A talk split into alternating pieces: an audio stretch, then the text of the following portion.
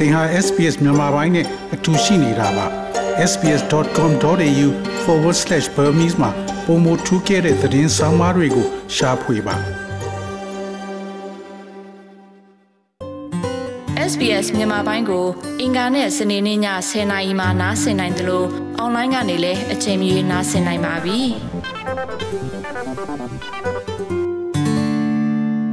စစ်ကောင်စီဟာအာဏာသိမ်းပြီးတဲ့နေ့မနက်ပိုင်းကစလို့ဖုန်းလိုင်းနဲ့အင်တာနက်အသုံးပြုတာတွေကိုကန့်သတ်ခဲ့ပါတယ်။လက်ရှိတစ်နှစ်ပြည့်ကန်ဒီအထိကာလအတွင်းမှာလည်း mobile operator တွေအင်တာနက်ဝန်ဆောင်မှုပေးတဲ့ ISP တွေအပေါ်ကန့်သတ်မှုတွေများစွာရှိခဲ့ပါတယ်။တခြားနိုင်ငံအသီးသီးမှာတော့အင်တာနက်မြန်နှုန်းတွေနဲ့စံချိန်တင်အသုံးပြုလာနိုင်တာကြောင့်ကမ္ဘာဟာရွာကြီးတူရလို့တင်စားခဲ့ကြပါတယ်။ ဒါပေမဲ့စစ်ကောင်စီရဲ့အာဏာရှင်ဆက်ဆန်ကတ်သက်ထုတ်ပြန်မှုတွေကြားမှာတော့မြန်မာနိုင်ငံဟာကပ္ပရွာရဲ့အပြင်ဘက်ကိုရောက်ရှိနေသလိုဖြစ်နေခဲ့ရပါပြီ။တရင်ချက်လက်တွေရရှိခွင့်ကအစားပြန်လည်ဝေမျှဖို့အရေးမှာပါစိုးရိမ်စရာအခက်ကြုံစရာဖြစ်နေရတာပါ။အာနာသိမ့်မှုအခြေအနေကြားမှာတော့ပြည်သူတွေဟာအခွင့်အရေးအသီးသီးဆုံးရှုံးခဲ့ရတယ်လို့လွတ်လပ်သောထုတ်ဖော်ပြောဆိုခြင်းမြန်မာ Free Expression မြန်မာရဲ့ဒါရိုက်တာမတ်ရင်ရတနာသိန်းကဆိုပါတယ်။ ဒီမိုကရေစီရွေးကောက်ပွဲရဲ့ဒီမဲရလက်တွေကိုပြောင်ပြောင်တင်းတင်းပယ်ချပြီးတော့မှဒီဆက်အာဏာသိမ်းလိုက်ကြရပေါ့နော်မြန်မာပြည်သူလူထုရဲ့သတင်းချက်လက်အခွင့်အရေးပါဝင်အခြားသောဒီလူခွင့်ရေးတွေကဒီဖိနှိပ်ထိုးဖောက်ခံလိုက်ရပြီပဲဖြစ်တယ်စစ်ကောင်စီကဒီပြည်သူတွေရဲ့သတင်းရပိုင်ခွင့်ကိုကန့်သက်ထိန်းချုပ်ဖို့ဆိုတာဒီနီလန်အမျိုးစုံနဲ့အသုံးပြုခဲ့တယ်ပေါ့နော် လက်နက်ကိုအားကိုပြီးတော့အကြံဖတ်တဲ့နီလန်းတွေတုံးခဲ့တယ်။အမီဒီယာသမားတွေကိုဖမ်းဆီးထိန်းချုပ်တဲ့နီလန်းတွေနောက်ပြီးတော့ဒီအာနာစသိသိချင်းမှာပဲပေါ့နော်ဒီအင်တာနက်တွေဖြတ်တောက်လိုက်တဲ့နီလန်းတွေနောက်ပိုင်းဒီ broadband တွေမှာ blacklist လုပ်ပြီးတဲ့အခါကျတော့ mobile data service တွေမှာ whitelist လုပ်တဲ့နီလန်းတွေပေါ့နော်။နောက်တစ်ခါကျတော့ဒီ digital curfew လို့ခေါ်တဲ့ကျွန်တော်တို့မနက်တနာရီကနေပြီးတော့မနက်9နာရီထိအင်တာနက်တွေဖြတ်တောက်ထားတဲ့နီလန်းတွေကိုသူတို့တုံးခဲ့တယ်။ဒါ့အပြင်သူတို့ဒီစစ်ကြောင်းထိုးတဲ့ data တွေပေါ့နော်။အဲ့ဒီ data တွေကိုကွက်ပြီးတော့ဒီ internet ဖြတ်တောက်ထားတဲ့နီလန်းတွေကိုလည်းသူတို့တုံးခဲ့တယ်။ဒီမိုကရေစီအရေးကိုသွေးဖယ်သွားစီတဲ့စစ်အာဏာသိမ်းမှုကိုလက်မခံကြောင်းပြည်သူတွေကပုံစံအမျိုးမျိုးနဲ့တုံ့ပြန်ခဲ့တာလည်းတစ်နှစ်ကြာနေပါရှိခဲ့ပါပြီ။မြေပြင်ကတပိတ်တွေကိုအကြမ်းဖက်ဖြိုခွင်းတာတွေ COVID-19 တတိယလှိုင်းရဲ့ပြင်းထန်မှုအခြေအနေတွေကြောင့်ပြည်သူတွေဟာစစ်အာဏာရှင်စန့်ကျင်ကြောင်းလှုပ်ရှားမှုတွေကိုအွန်လိုင်းကနေလှုပ်ဆောင်ခဲ့ကြပါတယ်။ ကြအပြင်ရက်တန့်ထားရတဲ့ပညာရေးအခြေအနေတွေကျန်းမာရေးဆိုင်ရာအသိပေးချက်တွေနဲ့စီးပွားရေးဆိုင်ရာကုသန်းရောင်းဝယ်မှုတွေကအစားအွန်လိုင်းကိုပဲအားကိုးလှုပ်ဆောင်ခဲ့ကြရတာပါဒါပေမဲ့လည်းစစ်ကောင်စီဟာ mobile phone sim card တွေကိုအခွန်ဈေးနှုန်းအစမတန်သတ်မှတ်တာအင်တာနက်အသုံးပြုခတွေကိုအခွန်တိုးမြင့်တာနဲ့သုံးစွဲမှုအပိုင်းမှာကန့်သက်ပိတ်ပင်တာတွေပြုလုပ်ခဲ့ပါတယ်။ လက်ရှိကာလအာဏာသိမ်းမှုတစ်နှစ်ပြည့်လူနေပါအချိန်မှာတော့စစ်ကောင်စီဟာပြည်သူတွေရဲ့တည်င်းရပိုင်ခွင့်ကိုကတ်သက်ဖို့ဥပဒေတစ်ခုကိုပြဋ္ဌာန်းမှုလှုံ့ဆော်နေတာပါဒါတော့အဲ့ဒါတွေအားမရနိုင်သေးဘူးပေါ့နော်ခုဒီ cyber security law လိုမျိုးအာဒီအရာတွေပေါ့နော်အဲ့ဒီအရာတွေကိုဥပဒေပြုတ်နိုင်တဲ့အခွင့်အာဏာမရှိဘဲနဲ့ပြဋ္ဌာန်းဖို့ဆိုပြီးတော့သူတို့လှုပ်လာခဲ့တယ်ပေါ့နော်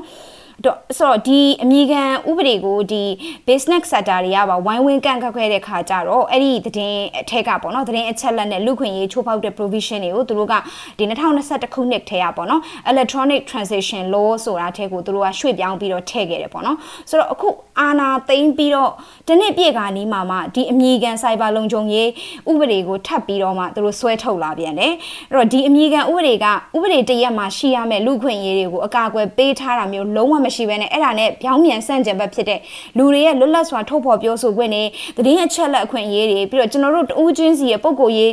လုံခြုံမှုအခွင့်အရေးတွေအပြင်စီးပွားရေးနဲ့ကျွန်တော်တို့ရဲ့ဖွံ့ဖြိုးတိုးတက်မှုဆိုင်ရာအခြားလူခွင့်ရေးတွေကိုပါရိုက်ချိုးဖို့ပေါ့နော်ဒီစစ်ကောင်စီကလှုံ့ဆော်ထားတာဖြစ်တယ်ဒီစိုက်ဖာလုံခြုံရေးဥပဒေချမ်းကိုစစ်ကောင်စီဟာ stakeholder အ ਨੇ စုစီကိုသာပေးပို့ခဲ့ပြီးပြီးခဲ့တဲ့2022ခုနှစ်ဇန်နဝါရီလ28ရက်နောက်ဆုံးထားသဘောထားမှတ်ချက်တွေပေးကြဖို့ပြောဆိုထားပါတယ်။ အာနာသိန်းချိန်ကစပြီးမမှန်သတင်းတွေနဲ့လှုံ့ဆော်မှုတွေရှိနေတယ်ဆိုပြီးပြည်သူအများစုသုံးစွဲနေကြတဲ့ Facebook platform ကိုမြန်မာပြည်တွင်သုံးစွဲလို့မရအောင်ပိတ်ပင်ကြတာဟာလည်းတစ်နှစ်နီးပါးကြာခဲ့ပါပြီ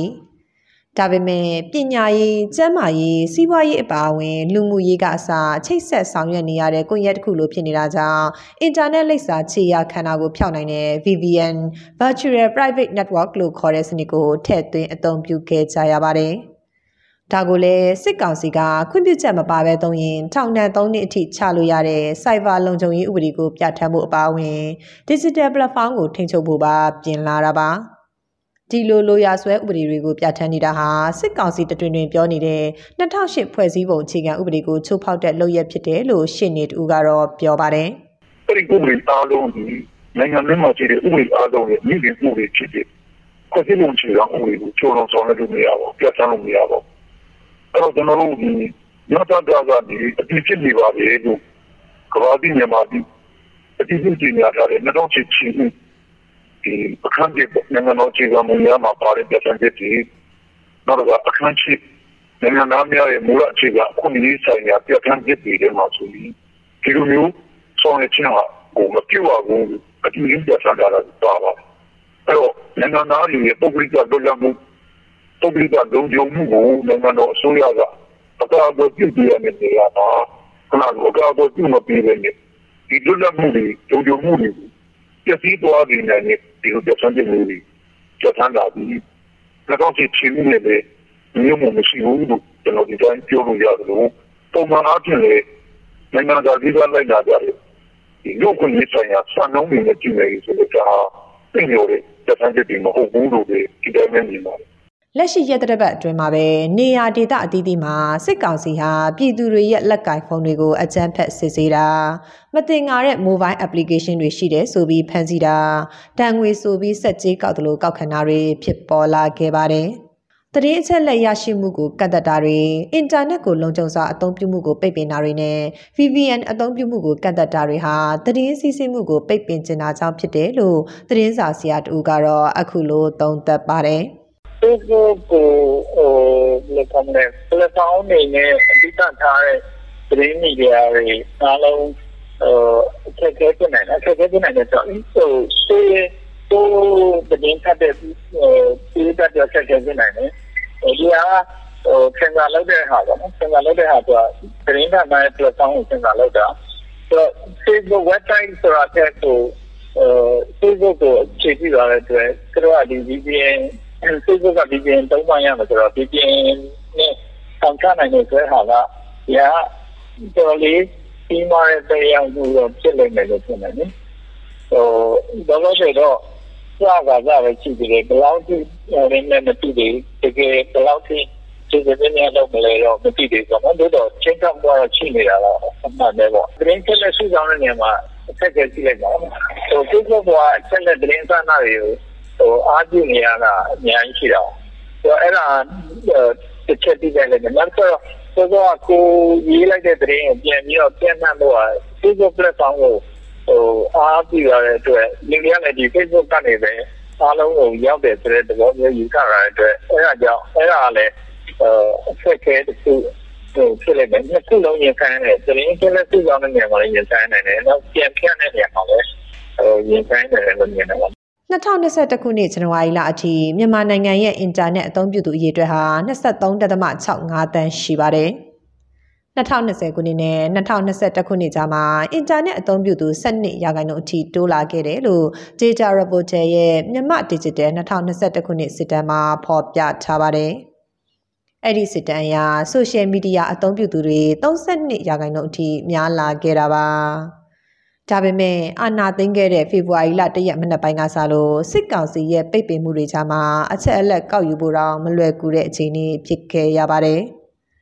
စစ်ကောင်စီဟာ access to information လို့ခေါ်တဲ့ပြည်သူတွေရဲ့သတင်းအချက်အလက်ရပိုင်ခွင့်ကိုချိုးဖောက်ခဲ့တဲ့အပြင်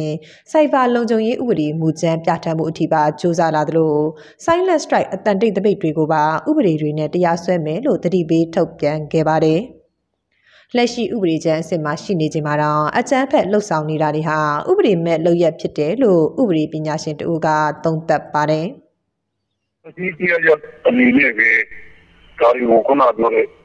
ဦးနိုင်ငံကဟလာထမမုန်နိုင်ပဲပေါ့နော်တမုန်နိုင်ဥမာပြအာဆီယံဖွဲ့စည်းလို့အမျိုးပဲဖြစ်ဖြစ်ကမ္ဘာပေါ်လာတမ်းကလို့အမျိုးပဲဖြစ်ဖြစ်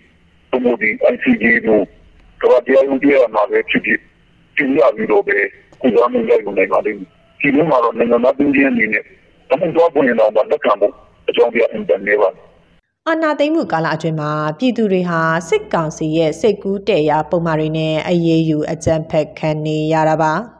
မြေပြင်ကဘဝမလုံခြုံမှုအခြေအနေတွေစရုပ်ထလိုင်းတစ်ခုလိုတက်ရောက်မှုရှိလာနေတဲ့ Omicron လို COVID မျိုးဆက် virus တွေကြမှာပြည်သူတွေအနေနဲ့ online platform ကိုသာအဓိကအားချနေရသလိုဖြစ်ခဲ့ပါတယ်။ ဒီလိုအခြေအနေကိုပိတ်ပင်စေတဲ့ cyber လုံခြုံရေးဥပဒေချမ်းကိုမပြဋ္ဌာန်းဖို့အရေးကိုတော့ပြည်ရင်းပြည်ပအဖွဲ့အစည်းတွေသာမကနိုင်ငံတကာတန်ယုံတွေကပါပူးပေါင်းကန့်ကွက်လှုပ်ဆောင်ဖို့လိုအပ်နေပြီလို့လူခွင့်ရေးလှုပ်ဆောင်နေသူတွေကသုံးသပ်အကြံပြုထားကြပါတယ်။ဒီသတင်းဆောင်မကိုတန်လွင်ခက်ကပေးပို့ထားတာဖြစ်ပါတယ်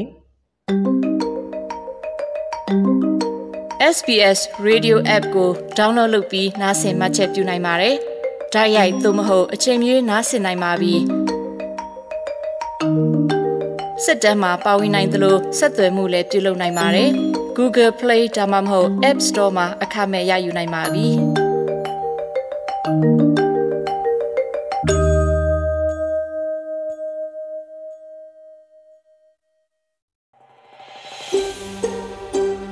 ။ဒါမျိုးသတင်းဆောင်မတွေကိုပိုနားဆင်လိုပါလား Apple Podcast Google Podcast Spotify တို့မှာသင်ပင်ရာဖြစ်ဖြစ်ရယူတဲ့ podcast ကနေပါ။